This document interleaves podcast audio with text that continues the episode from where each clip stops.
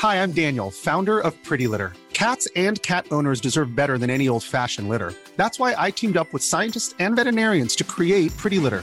Its innovative crystal formula has superior odor control and weighs up to 80% less than clay litter. Pretty Litter even monitors health by changing colors to help detect early signs of potential illness. It's the world's smartest kitty litter. Go to prettylitter.com and use code ACAST for 20% off your first order and a free cat toy. Terms and conditions apply. See site for details. I'm Sandra, and I'm just the professional your small business was looking for. But you didn't hire me because you didn't use LinkedIn jobs. LinkedIn has professionals you can't find anywhere else, including those who aren't actively looking for a new job but might be open to the perfect role, like me. In a given month, over 70% of LinkedIn users don't visit other leading job sites. So if you're not looking on LinkedIn, you'll miss out on great candidates like Sandra. Start hiring professionals like a professional. Post your free job on linkedin.com/achieve slash achieve today.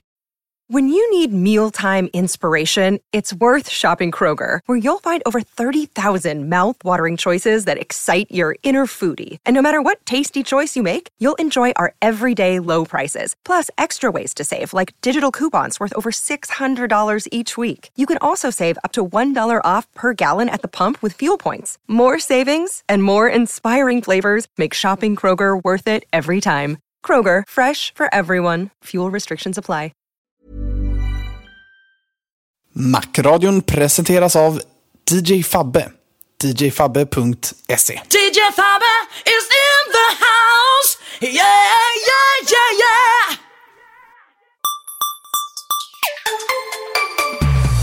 Hej och välkommen till Macradion 97 med mig Peter Esse, jag skulle på att säga Gabriel.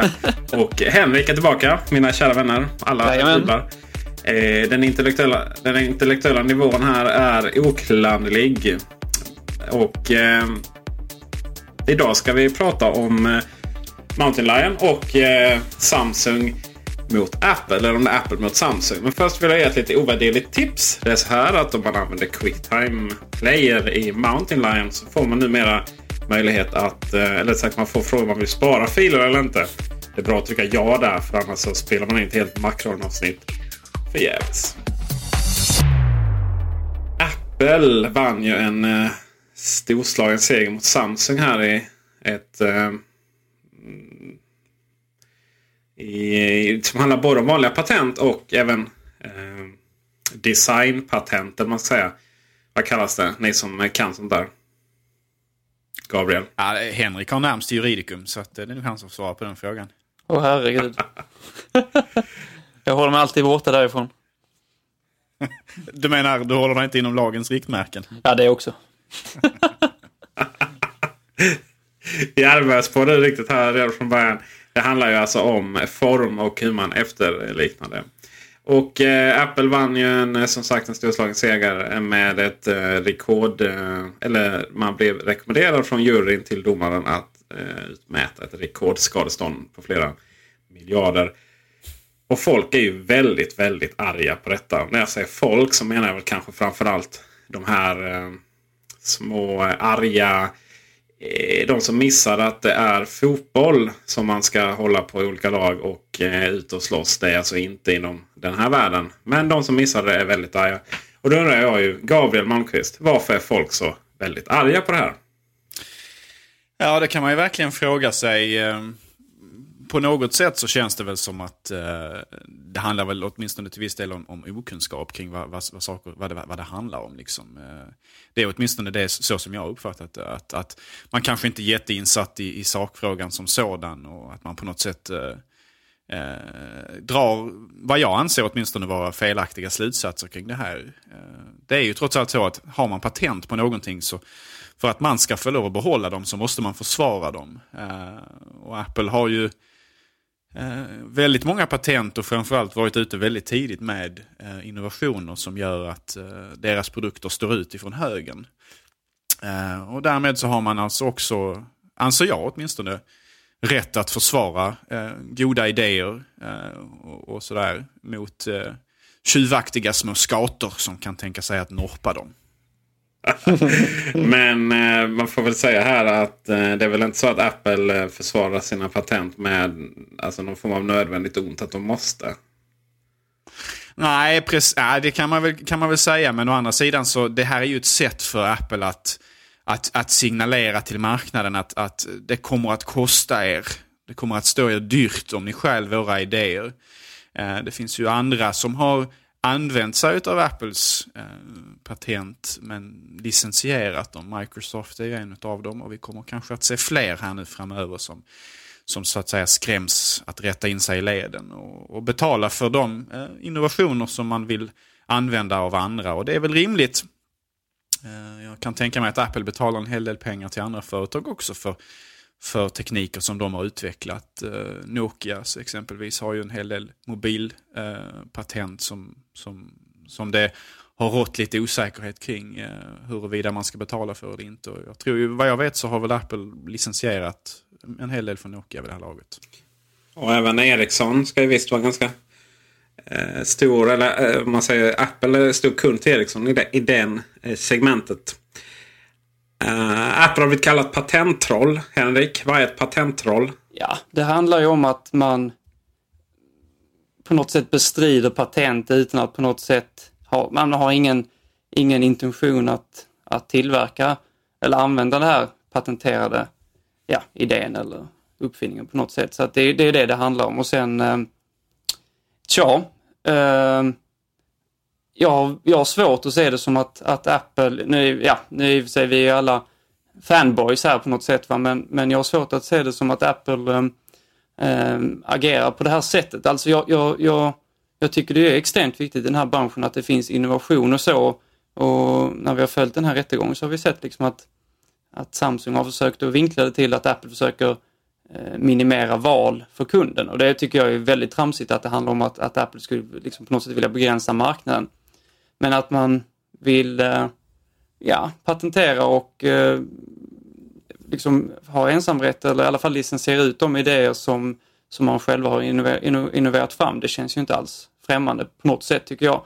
Och sen så, nu har jag inte studerat i detalj exakt vilka, vilka delar som man, man eh, har anklagat Samsung från att stjäla men, men eh, många av, av dem i alla fall som jag har stött på det är ju saker som är, är väldigt fundamentala i iPhonen och iOS struktur så att det är inget som är liksom någonting, ja, något som man bara sitter på så att säga. Eh, tycker jag. Patenttroll som Henrik här var inne på, det, är alltså, det handlar ju helt enkelt om oftast ett skalbolag som har köpt upp patent ifrån andra eh, Eh, som har så att säga patenterat dem en gång i tiden. Och sen så är man extremt aggressiv mot företag som kan tänka sig att använda de här patenten i produkter. Medan man själv då, som Henrik var inne på, inte har någon som helst ambition ehm, att, att utnyttja dem själv för att skapa en produkt. Och därmed så, så kan man ju liksom inte klassa Apple som ett patenttroll därför att jag skulle tro att i princip alla de här patenten som det här gäller, eller åtminstone de allra flesta, kommer inifrån Apple självt. Alltså det är någonting som man själva har skapat, de här, de här uppfinningarna eller innovationerna. Eh, och, mm, och då är det också någonting som man i allra högsta grad själv använder sig av i produkter. Så Apple försöker ju liksom inte... Eh, alltså, alltså Apple är inte ute efter egentligen att få in pengar från Samsung från det här. Nu, nu kommer det förmodligen att sluta så. Man har ju vunnit Eh, den här stämningen och ska då eh, enligt uppgift få en miljard dollar cirka som ersättning. Va? Men det är ju inte det som är det viktiga för Apple egentligen. Jag menar Apple hade nog i princip valt bort de pengarna direkt om man kunde få Samsung att sluta plagiera sina produkter och, sluta få dem att stjäla sina idéer bara rakt upp och ner. Apple hade mycket hellre haft en iPhone enligt sin egen vision som, som ingen annan försökte att, att replikera eller, eller att skapa, själv, skapa för sig själv eller tjuvåka på. Eh, hellre än att de får lite, lite småkompensation ifrån, från, från Samsung då. Eh, baserat på den här näsbrännan som nu Samsung åkte på i, åkte på i rätten. Så nej, jag tycker inte att Apple kan, kan klassas som ett patentroll baserat på den här definitionen. Däremot så är man ju en, en patentskapare som är väldigt mån om att skydda sina patent mot de som kan tänkas att, eh, att bryta dem i produkter som konkurrerar mot Apple rakt upp och ner. Och det är ju, de har ju, det är, en, det är en konstig relation här mellan Apple och Samsung också. Därför att Samsung levererar ju väldigt mycket komponenter till Apple. Jag tror att Apple är Samsungs största eh, kund om man ser på, på, på dem som en, alltså vad de levererar eh, inte mot, mot, mot marknaden som konsumenter utan mot, som företag till företag så att säga. Och därför så sitter ju liksom Samsung lite i en konstig situation för att jag kan ju tänka mig att inom Apple så arbetar man väl ganska febrilt på att hitta alternativ till Samsung som leverantör. Uh, av den enkla anledningen att de är just nu också en väldigt stor konkurrent. Uh, men samtidigt så är det kanske inte så enkelt för att Samsung är väldigt stora, har väldigt stora volymer, vilket ju Apple gillar och behöver. Uh, oavsett om det sen gäller minnen som vi har i våra produkter, flashminnen och internminnen och så vidare, eller om det gäller andra komponenter såsom skärmar och så vidare. Eh, men de, de sitter ju lite grann i en konstig situation här, för de, både strider mot Apple som konkurrent, de strider mot Apple i rättegångar. Eh, inte bara i USA utan även exempelvis i Sydkorea. Samtidigt som man då är en, en av huvudleverantörerna till Apple vad gäller produkter.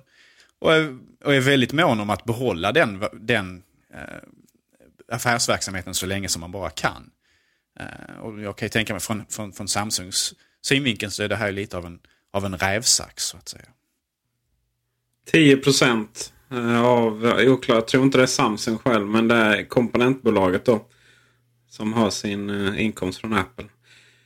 Det finns de som påstår, det gjorde Apple och, eh, förlåt, Samsung också här i sitt svar till media då efter förlusten. Att eh, de skrev lite annorlunda eh, men det handlar ju om att eh, det är inte så. Det är ingen verkshöjd på liksom en skärm och sen lite runda hörn då. Som det handlar om. Det var ju 3GS och eh, iPhone 3G framförallt då som det handlar om. Eh, Henrik. Eh, är, designen på iPhone så uppenbar och så, så naturlig att det, inte, att det inte bör gå att kunna patentera den formen? Svar nej. det är ju, eh, ja det har man gjort också, alltså titta på hur telefoner och smartphones såg ut tidigare. Det visar att det inte alls var så uppenbart för de allra flesta. Så att eh, det ju, finns ju ingenting som såg ut som iPhonen, eller som jag vet i alla fall, som såg ut som iPhonen eh, innan den fanns så att säga. Så att, eh, det, är en, det är en unik design, tycker jag, på många sätt. Och det är inte bara den, den eh, liksom grunden med den stora skärmen, så, utan det, det, det är formen på andra sätt också, tycker jag. John Gruber länkade till någon twittrare som, som formulerade väldigt väl, nu kommer jag inte ihåg verbatim hur han skrev det, men, men kontentan var det att när Apple släppte iPhone 2007 så fick den mycket kritik, bland annat då för att den saknade egentligen knappar. Eh, förutom hemknappen och lite små perifera knappar så var den i princip knapplös. Och det var ju på den tiden ganska kontroversiellt för att inte säga eh, någonting som många dömde ut den för och så, och så vidare. Och idag, då, eh, blott ett antal år senare, så är den här designen anses den självklar. För det är ju någonting som, som Samsung själva har drivit i rätten, att alla de här många av de här sakerna som Apple har försökt ha patenterat och nu därmed driver juridiska frågor kring eh, är självklarheter menar man. Alltså det är någonting som, det är en självklar utveckling på marknaden. Men faktum är att innan iPhone och innan Apple eh, släppte den här produkten så var det ingen självklarhet. Det kanske har blivit en självklarhet nu i, i konsumenters ögon men det, det, det, det krävdes ett Apple för att, att, att överbevisa eller för att bevisa detta för, för, för folket. Så. Nej, det är väl, det är väl så i, i massor av lägen att när vi ser en produkt från Apple, då är det självklart. Då är det så här produkten ska se ut. Men det är ju i, i, i så många fall som det är just Apple som har skapat den här självklara produkten. Men är, nu om man frågar folk så är det självklart att en smartphone ser ut som, eh, ja, har samma grunder som en iPhone har i alla fall. Men, men det, är, eh, det är inget som säger att, att, få, att någon eller något företag visste om det tidigare, för så var det uppenbarligen inte. Det finns ju faktiskt så att eh, historien upprepar sig lite känns det som. Man hade samma i diskussionen med eh, MacOS eller system. Heter det väl då? Vad heter det? System någonting. Det, alltså, det heter system fram till jag tror 8.5 och sen blev det väl MacOS 8.6. Ja. Eh, med, kontra Microsoft då. Där var ju också eh, rättegångar och eh, men där Apple faktiskt förlorade då. Eh, och där blev, såg, det, såg det väl så självklart ut att eh, med det grafiska gränssnittet då när det, de rättegångarna startade så att man ansåg inte att det gick liksom att patentera det. Nu är jag ingen expert uh, på den frågan där, men vad jag har förstått lite grann så hade det väl att göra med vilka rättigheter man hade så att säga skrivit över till Microsoft redan tidigare. Eh, eftersom Microsoft producerade en av de viktigaste programsviterna på Macen, eh, Office-paketet eller jag vet inte om Word och, och så vidare, den här, de här grejerna som vi alla känner till. Så hade man visst på något sätt signerat ett kontrakt och det här var efter Steve Jobs hade lämnat Apple då. Eh, där man alltså hade mer eller mindre, eh, jag ska inte säga att de givit dem carte blanche, men åtminstone att man hade givit dem vissa rättigheter att använda sig av det grafiska gränssnittet. Och detta utnyttjade då, eh, eh, har jag förstått, Microsoft för att hävda att man kunde även använda det i, så att säga, i andra produkter som inte har relevans för macken. Så att jag tror lite grann att man har, det var lite av, det var klantigt från, från Apples ledningssida att godkänna vissa av de här kontrakten, signera dem. Eh, och sen så var det väl lite, lite så här fulspel från Microsoft också, att man utnyttjade det här då för att så att säga klara sig undan i den här rättegången. Så här har jag uppfattat det i varje fall. Jag, jag är ingen expert dock, men så här har jag uppfattat det.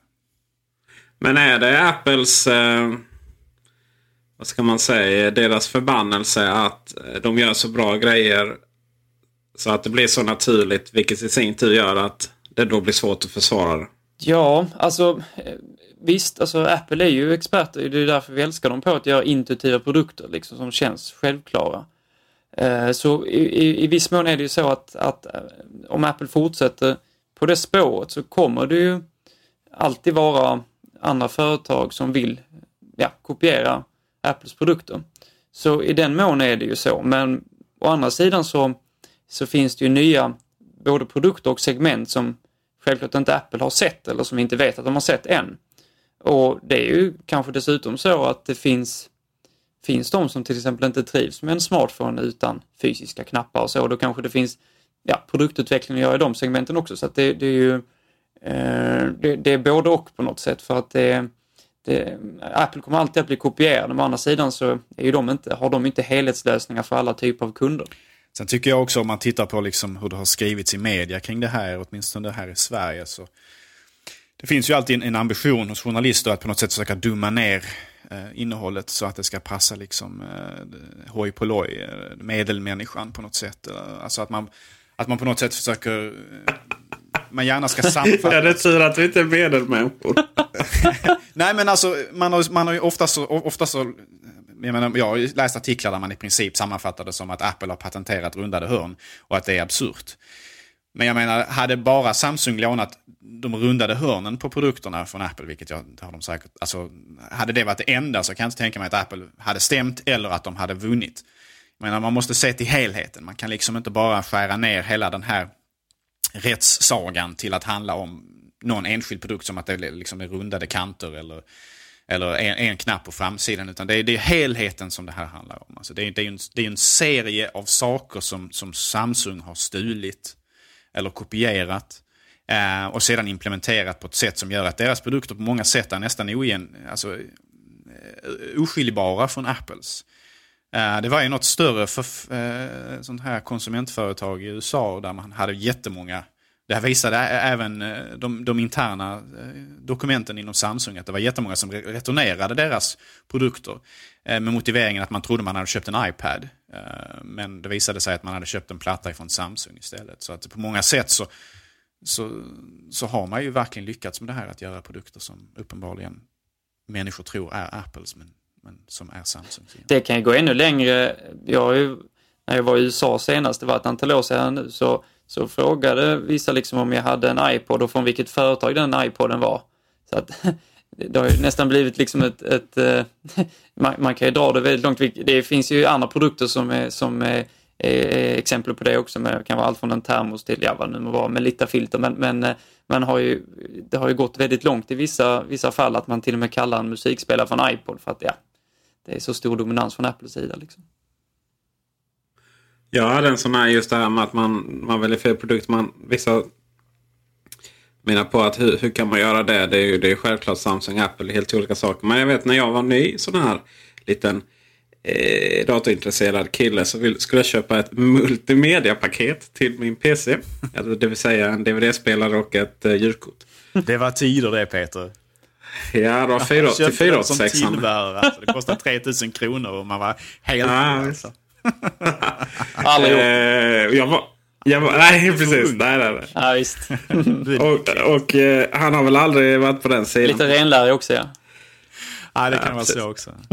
I alla fall så eh, då skulle jag köpa ett Soundblaster. Som, det var ju det som gällde. Och eh, det gjorde jag ju. Köpte mitt Soundblaster-kort. Och, eh, Eh, och eh, satte in det. Och, men det var, ju, och det var först flera månader efteråt som jag konstaterade att det här är ju inget Soundblaster. Det heter så Soundforce eller någonting. Det var liknande teckensnitt. Eh, det var lika stor kartong. Alltså bilderna var, var, var liknande då. Eh, gul text båda kan ha lite med orange. Och det är ju så här, så är man inte väldigt medveten om saker och ting så, så är det ju inte så lätt att, att se skillnad på, på det. Och eh, i vissa av de här fallen så har ju eh, Samsung haft identiska kartonger.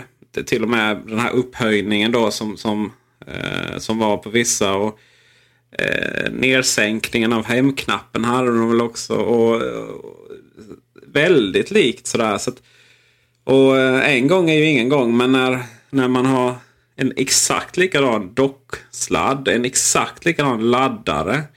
Eh, vissa mobiler som... Det var ju en som var löjligt. var ju väldigt, Samsung Ace tror jag en av dem. De var ju helt... De var identiska med iPhone 3G. Eh, så eh, man ska inte undervärdera det här liksom att, att eh, folk inte är lika intresserade och pålästa och medvetna om saker och ting som man själv är. Absolut, så är det ju. Och som journalist så har man ju viss, viss liksom, eh, man har ju vissa krav på sig att man ändå måste göra det förståeligt för en bred massa så att säga. Men det, man får liksom inte simplifiera alldeles för mycket heller. Man får liksom inte, man får liksom inte liksom plocka ner det hela på en sån absurd nivå så så att det ter sig helt barockt att man överhuvudtaget har en diskussion kring saker. För det, jag, jag tror det är många reagerar på att när man läser kring de här liksom, rättegångarna, vad det handlar om, så, så får man, liksom, eh, får man liksom uppfattningen lite grann att Apple verkar ha patenterat luft. Och att det, att det är det man nu försöker kränga till diverse leverantörer eh, eller konkurrenter runt om i världen. Och så är det ju inte, faktiskt inte riktigt. Eh, utan Apple har ju patenterat väldigt specifika saker som, som gör iPhone och eh, iPad till, till vad de är. så att säga. Och det är någonting som man helst ser att andra upp, upp, upp, ut, utvecklar eller uppfinner något eget istället. Henrik, varför tror du man har gått på Samsung och inte Motorola, HTC, eh, Sony, Ericsson, förlåt, Sony? Ja, det är Det väl... är väl eh, de som finns kvar nu va? Vad sa du? Ja, det är väl de, höll jag på säga, de tre som finns kvar hos Samsung. Ja, det är väl sant. Alltså, det, det handlar väl mycket... Ja, Att du glömde Nokia där. ja just det. Ja, de har ju inga minispelare. Nej, det, det är ju sant. Men de har ju, de har ju ändå på något sätt smartphones med... Många av de här patenten gäller ju faktiskt hårdvara, inte mjukvara. Alltså, det, jag har ingen alls, inget expertutlåtande där ju såklart, men, men det, det har väl att göra med Samsungs storlek, att de faktiskt har, har volym och att det är en, ändå en, en, en konkurrent eh, till Apple på ett ganska så, det, det märks liksom ändå. Eh, det finns ju många som blir, är mindre spelare i detta. Jag menar Sony har väl inte riktigt eh, nått några jättestora framgångar när det gäller eh, smartphone-branschen heller. Så att, eh, i jämförelse i alla fall. Så att eh, det handlar väl om, om storlek och sen så vet jag inte hur det är. Jag, jag, jag har ju förstått som så att, att Microsoft har varit eh, villiga att, att betala för eh, delar av de innovationer som Apple har tagit fram. Men jag vet inte hur det är med, det kanske ni kan svara på, eh, hur det är med de här andra företagen som Motorola, Motorola och sådär. Om de har, eh, ja, det är kanske svårt att, ha- att och avgöra också för oss, men, men om de har betalat Apple på något sätt för att få, få implementera funktioner som, som finns i iOS exempelvis. Det finns nog avtal eh, kors och tvärs där. Det gör det absolut säkert. Eh, Microsoft hade väl till och med en antikopieringsklausul. Va? Just det. Jag tror det är säkert många som väntar på ut, utslaget från den här rättegången innan man tar ställning till hur man ska göra i de här frågorna. Eh, och precis som Henrik är inne på, det är klart att Apple ger sig på den största först. Eh, det levereras ju blöjsprängningar på, på löpande band här nu hos konkurrenterna. När de ser att Apple är på väg att, att knäcka Samsung i rättegången. Det är nog väldigt många som sitter upp och faktiskt eh, lyssnar väldigt noggrant på vad de här utlåtandena är. Eh, och det är en väldigt naturlig väg att gå. Istället för att försöka angripa en liten spelare som HTC så tar man den, den riktigt stora först. Eh, och det, jag tror det är, det är helt rätt väg att gå för Apple. I'm Sandra, and I'm just the professional your small business was looking for. But you didn't hire me because you didn't use LinkedIn jobs. LinkedIn has professionals you can't find anywhere else, including those who aren't actively looking for a new job but might be open to the perfect role, like me. In a given month, over 70% of LinkedIn users don't visit other leading job sites. So if you're not looking on LinkedIn, you'll miss out on great candidates like Sandra. Start hiring professionals like a professional. Post your free job on linkedin.com/achieve today. Hi, I'm Daniel, founder of Pretty Litter. Did you know cats tend to hide symptoms of sickness and pain? I learned this the hard way after losing my cat, Gingy. So I created Pretty Litter, a health monitoring litter that helps detect early signs of illness by changing colors, saving you money and potentially your cat's life. Pretty Litter is veterinarian developed, and it's the easiest way to keep tabs on your fur baby's health right at home. Go to prettylitter.com and use code ACAST for 20% off your first order and a free cat toy. Terms and conditions apply. See site for details. Samsungs eh, börsvärde är oklart vilken börs då. Eh, borde väl varit eh, Sydkoreas egna faktiskt. Eh, för det hände innan Nasdaq öppnade. Så det sänktes med var det två Facebook. Och eh, ja, hade det varit för några månader sedan så hade det varit ett Facebook då. Men så är det. Jag tror det var 10 Och det är- dollar eller något i den stilen. Och då ska man ju tänka att småla Samsung är ju bara dömda inom citationstecken att betala ut en miljard dollar i skadestånd.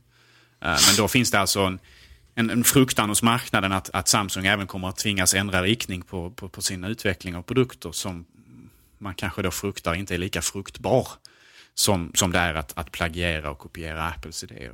Att man, att man helt enkelt tvingas göra något eget och att det, detta kanske inte då blir lika populärt på, på marknaden. Vi eh, tänkte vi skulle ta på oss foliehattarna lite. Och, eh, Redan.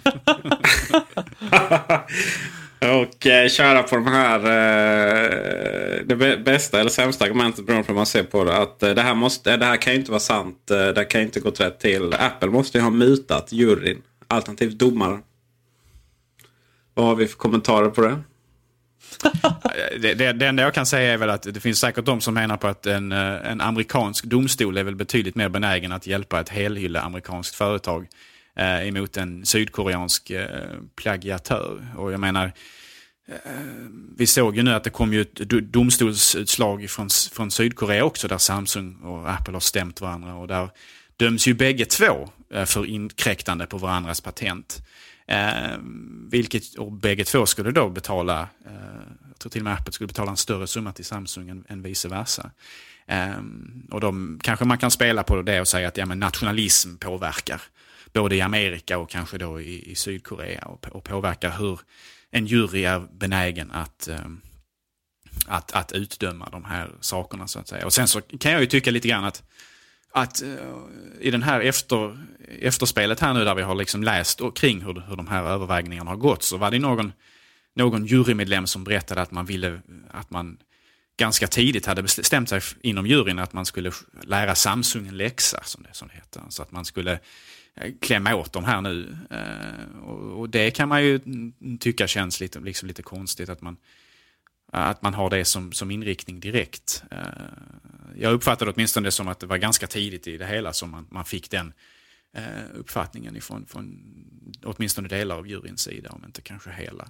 Eh, Så där kanske man kan vända, liksom opponera sig lite grann mot det här utlåtandet och, och liksom sätta på sig foliehatten och säga vad är det egentligen som, som, har, som har påverkat här. Men är det inte så att eh, Samsung eh, är ett företag som inte alltid spelat rent spel? Eh, framförallt sitt hemland. Är det någonting ni har koll på?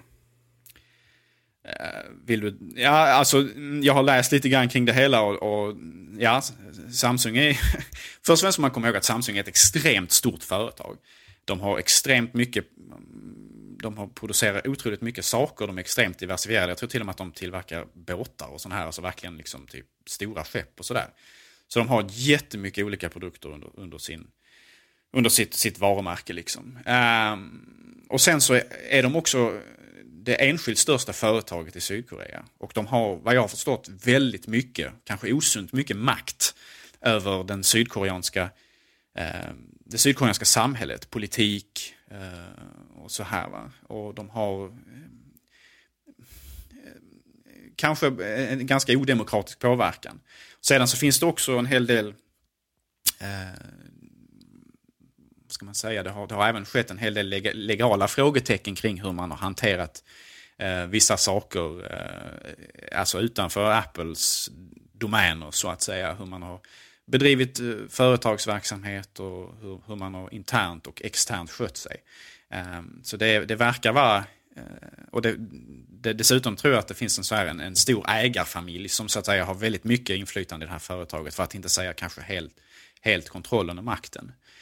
Eh, och detta skulle då kunna leda till liksom olika former av korruption eller nepotism eller vad man nu vill kalla det för någonting.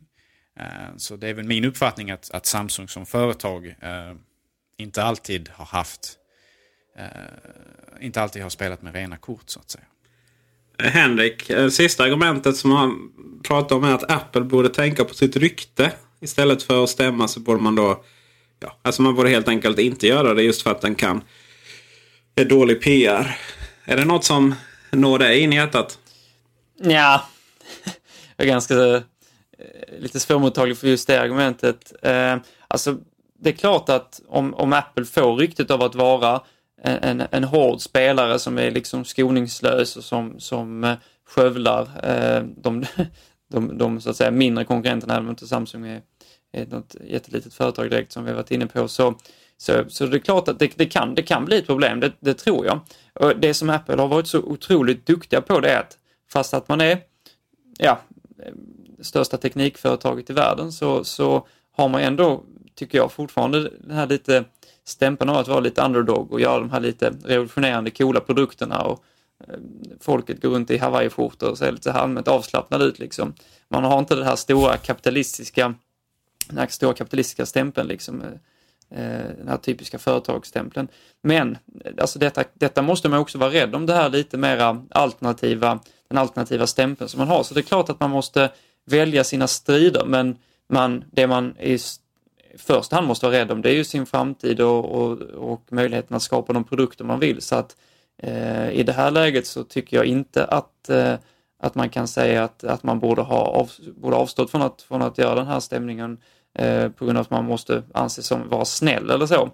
Sen ger det ju å andra sidan eh, väldigt eh, höga krav, gör det väldigt höga krav på Apple att, att de i sin tur följer de spelregler de själva säger sig prisa. Alltså det är ju, det är ju extremt viktigt att man, att man själv då eh, ser till så att man har rätt att använda de eh, idéer och de funktioner som finns i, i iPhone exempelvis och som vi var inne på då med att att det blivit ett annat utslag i en sydkoreansk domstol, det, det kan ju ändå vittna om att, eh, att sanningen är inte svart eller vit och där ställs det ju, tycker jag, otroliga krav på Apple att man, att man är rakryggad där och erbjuder sig såklart att, att betala för, för andras innovationer så att säga. För annars så, så, så blir man ju ytterst skeptisk och annars så får man ju definitivt problem med sitt eh, rykte tycker jag, att man är den här, den här stora bjässen som eh, skövlar men lyckas stämma andra så att säga. Väl rutet. Mm. om vi... Den här rättegången har ju handlat om dels mönsterskydd som då är det rätta ordet. Eh, lyckligtvis har jag gått förbi juridikum i Lund några gånger för att komma på det. Alltså, mönsterskydd är ju formen. Hur saker och ting ser ut. Eh, och sen har vi då mjukvarupatent. Och eh, kanske ett annat hårdvarupatent också för den delen. Eh, hårdvarupatent och mönsterskydd har vi i Sverige. Man kan inte tillverka Saab. Oj, nu får vi göra sånt där. Eh, vad heter det när man ja, ber till Gud och så. Eh, och hoppas de eh, lever bra i eftervärlden. Vi tar väl något annat bolag. Du vet att exempel... Henrik Ågermark är en extrem Saab-entusiast. Ja, inga ord, ord, ord om Saab här alltså. För att då, då säger upp mig. Nej, det var... Jag tror att någon frågar Henrik vilket företag han älskade mest. Apple eller Saab så hade det rått viss tveksamhet ifrån, uh, ifrån herr Hågemarks sida, stämmer inte det? Ja, alltså det, det är inget, ja, nej, det blir ändå Apple, men alltså det är inte, de är inte långt ifrån varandra, det ska vi komma ihåg alltså. Så att uh, jag får starta någon, någon Saab-radion snart. det är ju akademikerbilen trots allt, så det är något lämpligt för dig Henrik. Ja, visst. jag kom ju på mitt, jag kom ju på ett misstag här också, men det var ju därför jag ville att vi skulle be en stilla bön för att just att, att, att vi trampade i det här liket. Mönsterskydd är ju helt enkelt att man skyddar formen och eh, ingen annan Du form. läser på liksom. Wikipedia nu va?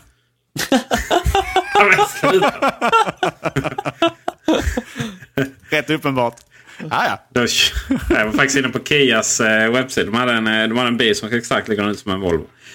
Eh, men de verkar uppdaterade. Det finns ju lite olika eh, former av patent eller vad man ska kalla det, som de här rättegångarna handlat om. Dels är det ju mjukvarupatent.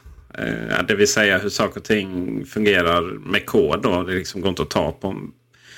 Eh, Det finns hårdvarupatent. Det är oklart om det har varit inblandat. Och sen finns det ju eh, mönsterskydd också. Och det var det jag syftade på i början. Så jag lyckligtvis har jag gått förbi juridikum några gånger i Lund för att komma på det så här en halvtimme senare.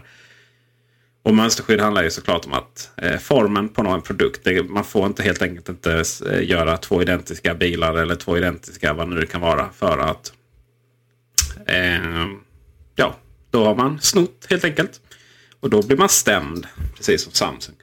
Mönsterskydd är väl egentligen inget konstigt att man inte kan få göra en identiskt likadan produkt. Eh, Mjukvarupatent finns i USA. Det finns inte i EU. Däremot är det väldigt omdiskuterat om vi bör införa eller inte. I USA så har det ju blivit... Eh, dels har vi sett det här nu i Samsung-rättegången. Men vi har också sett de här så kallade patenttrollen. Att man köper och säljer patent som är ganska absurda. Det var ju någon som höll på att stämma massa, eller hotade att stämma, förlåt, eh, iOS-utvecklare bara för det fanns en knapp där man kunde köpa eh, ja, in-app-knappen då. Och man gjorde reklam för andra. Eh, det var väl bland annat de som gjorde Angry Birds som fick ett litet brev för att man kunde då liksom gå in och kolla vad det fanns för andra Angry Birds att köpa i App Store. Det finns ju sådana här absurda grejer som att eh, ja, ens, allt är ju patenterat och flera gånger om. Och det verkar ju som att eh, det fungerar att man får ett ja nästan på varenda grej man söker. Och sen så är det upp då till, om det väl smäller, så är det upp till domstolen att, att eh, reda ut. Men eh, är, det, är det... Det är många gånger upp till andra företag att om man vill använda sig av de här funktionerna så måste man hitta så kallad prior art. Alltså att bevisa att det har funnits innan Eh, patentägaren eh, har levererat det. så att säga. Men det är alltid det är, det är en svår fråga det där. För jag menar, många av de som sitter och gör de här bedömningarna, hur mycket experter är de på mjukvara exempelvis? Det är, det är nog inte världens enklaste att, att, att, sak att liksom bedöma eh, kring... Eh, det, är, det är inte så påtagligt som en fysisk produkt. Uh, och, och, och jag menar hur många har tillgång till källkod och sådana saker och, och, och, har arbetat i alla program för att kunna göra en, en, rimlig bedömning av finns detta på marknaden tidigare. Det är ju, det är ju nästan ett oöversiktligt eller oöverskådligt uh, segment i, som de här patentlagarna så att säga ska, eller som de här patentanalytikerna, eh, uh, vad man nu ska kalla dem, måste liksom besitta kunskap om. Är det rimligt att man ska kunna köpa och sälja patent på det sättet? Det känns ju spontant eh, ganska orimligt. Alltså, ja, intuitivt så tycker jag att man, att jag är för, jag, jag är på något sätt för att man kan patentera även, även eh, icke-fysiska produkter. Det känns ju, jag tror också att de flesta är rent, rent spontant är för det, men när det går till den här absurda nivån eh, så är det på något sätt å andra sidan helt orimligt. Så att det handlar om att skapa en, ett ramverk eller en struktur för att det ska på något sätt eh, skydda de, de riktigt nyskapande och innovativa idéerna utan att man får det här ja, patenttrollproblematiken och allt som vi har pratat om idag så att säga. Så att det är det som är det svåra. Men i grunden tycker jag att, att, det, det, måste, att det måste finnas som sådant. Men det, det, det är väldigt, väldigt komplicerat att, att bygga upp en struktur för det uppenbarligen. Jag tror inte att ett, ett handelsstopp på ett patent är rätt lösning heller. Eh, jag menar det finns ju situationer där ett företags produkter, i det här fallet de mjukvaruprodukter, kanske inte längre säljer. Och då, då är det enda man kanske har kvar i grund och botten om ingen vill ha eh, programmen längre. Eh, en möjlighet att sälja av eventuella patent associerat med det, det verksamhet man har bedrivit. Och, det, menar, om ett företag konkursar exempelvis, så många gånger så är det det man strider om. Eh, eller det, det, det, det är det så att säga som man har att, att sälja av för att sen dela ut pengarna till, till ägarna.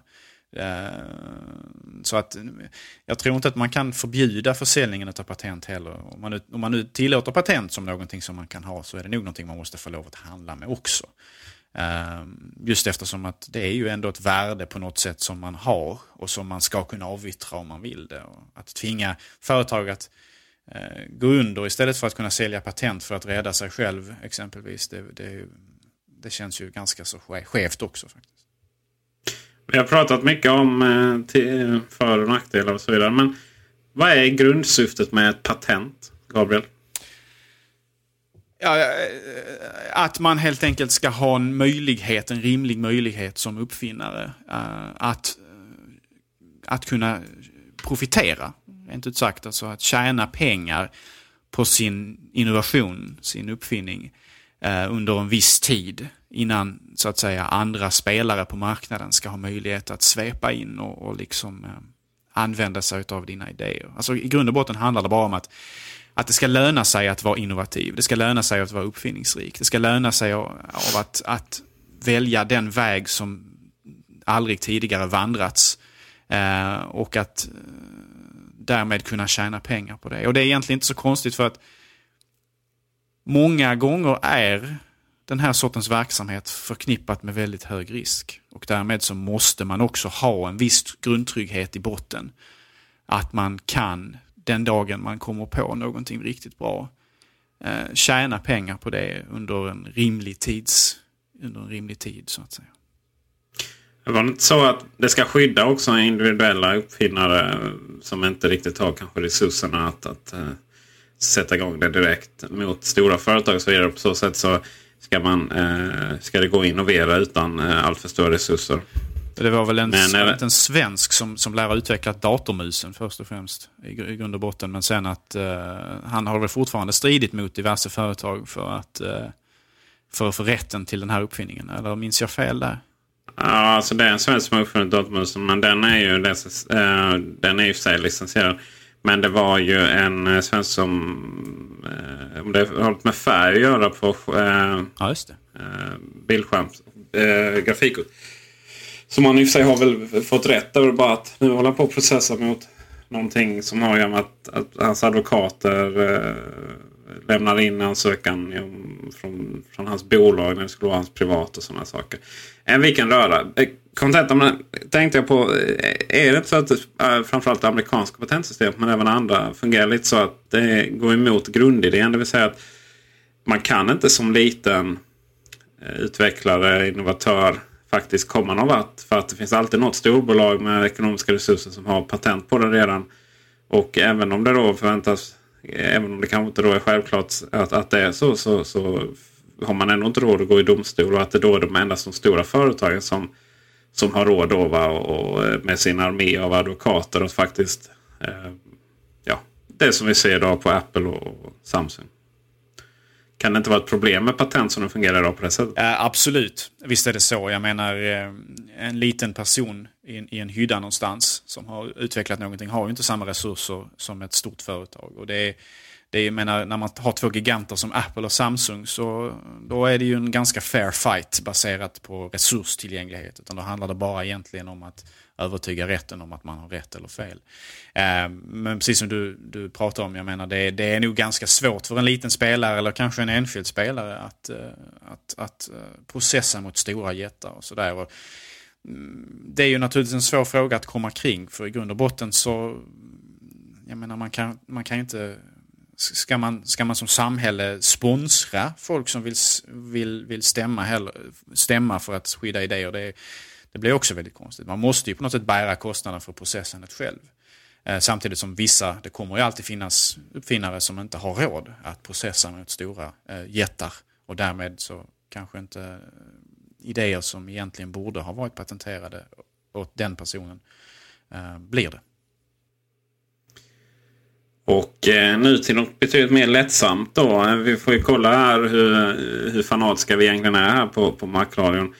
Eh, Henrik Hågemark. Hur många Samsung-produkter äger du i ditt hem? Zero. Är det så? Inte en enda. Ja, absolut. Men eh, skulle du, eh, har du några, eh, om vi då ska vara väldigt, väldigt seriösa, har du några principiella beslut mot att köpa till exempel en Samsung-TV? Alltså jag äger ju ingen TV. Och tänker inte göra det heller tror jag. Så att... Eh, nej. En man i min smak. Ingen brödrost, bakmaskin, eh, lampa, ficklampa. Ja, gud vet vad allt de gör. Det är ju lite det som är problemet. Man, man kanske inte alltid vet att det man äger är Samsung. Eh, eftersom de gör så väldigt mycket olika saker. Och man kan inte De infiltrerar våra liv. på logotypen eller tillverkaren på allt man köper. Jag tror faktiskt inte själv att jag har någonting som, som Samsung har producerat. Och jag kommer ju ha allvarliga res reservationer inför att köpa en Samsung-produkt i framtiden. Baserat på vad vi nu ser utspela sig framför oss. Så att säga. Förutsatt att Samsung nu inte reformeras och blir en, en trevlig eh, mots, motspelare mot Apple och, och, och även andra företag naturligtvis. Eh, jag har mina reservationer inför Samsung som företag idag. Man får ju se till att leta igenom lägenheten nu, är ju uppenbart. Jag visste inte att de gjorde ficklampor. det vet jag inte om jag gör. Ja, allt, du. De gör allt. Du får nog rannsaka dig själv lite hemma. Man hittar en lampa från 94. Det kan vara så va, att du har syndat och då är det någonting som måste åtgärdas innan du får fortsätta vara med i Markradion. Ja, gud ja. Det är klart. Jag misstänker att Peter Esse, han har både eh, tv-apparat och hemmabioanläggning och liknande från Samsung. Eller hur är det med det Peter? Alltså jag har ju en tv från LG då. Så jag, Gamla Ja, Lucky det är- Goldstar Classic. Ja, precis. Det, jag vet inte om de är konkurrenter eller om, är, om de äger, ligger väl andra sängar där eller hur det är. Men jag vill ju ha en. Jag köpte en bild på Blocket för att eh, vi möblerar om och då helt plötsligt var min Philips-TV då eh, för liten. Man kunde inte läsa texten på så långt avstånd. Eh, så det fick bli en billig LG på Blocket. Men eh, jag drömmer ju faktiskt om en, eh, en supertunn eh, LED eh, full av eh, sån här clouding som det vackert heter. Det är alltså en dålig grej i, i det här sammanhanget. Eh, Samsung TV. Det gör jag faktiskt. Men eh, riktigt där är inte ekonomin ännu. Samsung gör otroligt fina produkter. De har en väldigt bra designavdelning. Och det är ju bara inom mobildivisionen man verkar ha eh, det väldigt, väldigt konstigt. Eh, Samsung, eh, om vi kommer till moraliska med stora bolag och så vidare så är det ju många, många av de här eh, riktiga eh, fanboys då som, som tycker att eh, Apple är skit och man utnyttjar de stackars kineserna och hela det. Men då ska jag faktiskt säga det att de flesta av Samsungs produkter tillverkas i exakt samma fabriker med exakt samma människor som Apples gör. Foxconn har Samsung som en av sina största kunder. Och med det konstaterat så tackar vi Gabriel, Henrik och undertecknad. Eh, nu är det en eh, fantastiskt trevlig höst fyllda med nyheter. Ny iPhone, antagligen ny iPod, iPad och ny iPod för den delen. Eh, men också Macbook Pro 13 tum med Retina-skärm. Vi ska försöka spela in ett avsnitt varje vecka för ert nöjes skull. Ha det bra, på återseende. Hej hej! Ciao.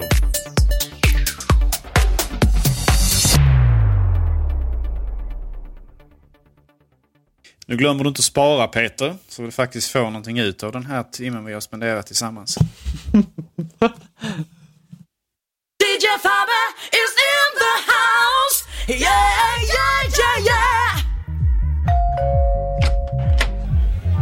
Hej! Är det dags för företagsevent, födelsedagsfest eller kanske ett bröllop? DJ Fabbe fixar musiken så att du kan tänka på annat.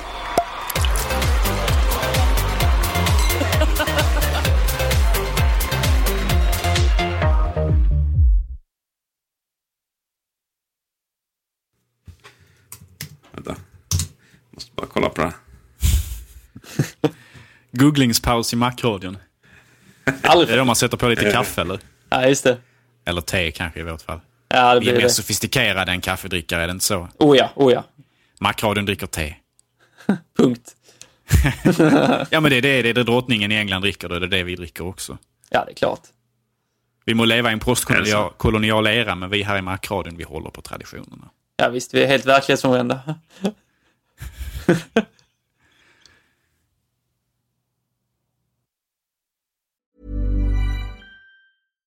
Hi, I'm Daniel, founder of Pretty Litter. Cats and cat owners deserve better than any old fashioned litter. That's why I teamed up with scientists and veterinarians to create Pretty Litter. Its innovative crystal formula has superior odor control and weighs up to 80% less than clay litter. Pretty Litter even monitors health by changing colors to help detect early signs of potential illness. It's the world's smartest kitty litter. Go to prettylitter.com and use code ACAST for 20% off your first order and a free cat toy. Terms and conditions apply. See site for details.